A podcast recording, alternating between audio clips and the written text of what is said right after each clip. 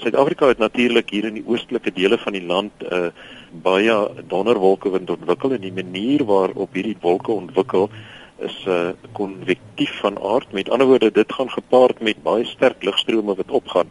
En hierdie lugstrome veroorsaak ladingverskille in wolke. Met ander woorde, wanneer hierdie lugstrome opgaan, dan kry mens dat hierdie groot wolke negatief gelaai is onder en uh, positief gelaai is bo.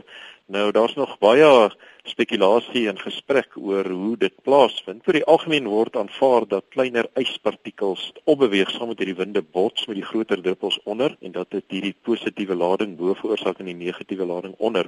Dit veroorsaak 'n potensiaalverskil tussen die oppervlak en die bo-atmosfeer en hoe groter hierdie potensiaalverskil is, hoe graag wil die wolk hierdie ding neutraliseer en dit is waar weerlig dan inkom. Daar is nou bevind dat sonwinde en kosmiese strale moontlike geleiers is wat 'n pad maak vir die weerlig na die aarde toe. Kan ons hierdie ernstig opneem want ek weet daar's verskriklik baie spekulasies oor hoe weerlig werk.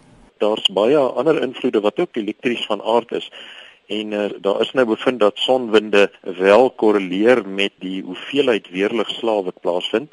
Die spesifieke rede daarvoor is nog nie bekend nie, maar as mens net so 'n bietjie ingaan op die ding, uh, sonwinde is eintlik maar um, iets wat gereeld voorkom en ons word beskerm deur hierdie sonwinde deur die elektromagnetiese veld om die aarde. Met ander woorde, hierdie sonwinde gaan gewoonlik om die aarde, maar nou het die wetenskaplikes bevind dat omtrent elke 27 dae hierdie sonwinde so bietjie versnel en dit veroorsaak dat energiepartikels wat deur hierdie sonwinde gedra word nie om die aarde gaan nie, maar die atmosfeer penetreer en hierdie energiepartikels gaan ook gepaard met lading. So natuurlik sal mens dink dat dit 'n rol gaan speel in die elektriese karakteristikke van die atmosfeer. Waarom hierdie sonwinde en hierdie energiepartikels die weerligstrale affekteer, weet ons nog nie mooi nie. Daar is bevind dat 40 dae voor en 40 dae na so sonwind uh, aktief geraak het, weerlig uh, redelik toeneem en dan uh, dat die weerligstrale aansienlik verhoog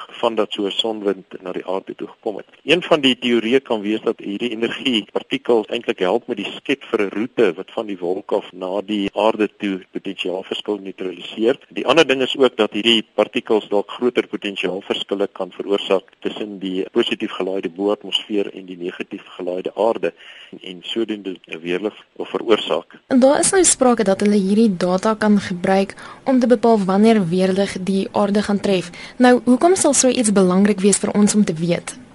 Weerlig kan nogal redelik skade aan aanrig.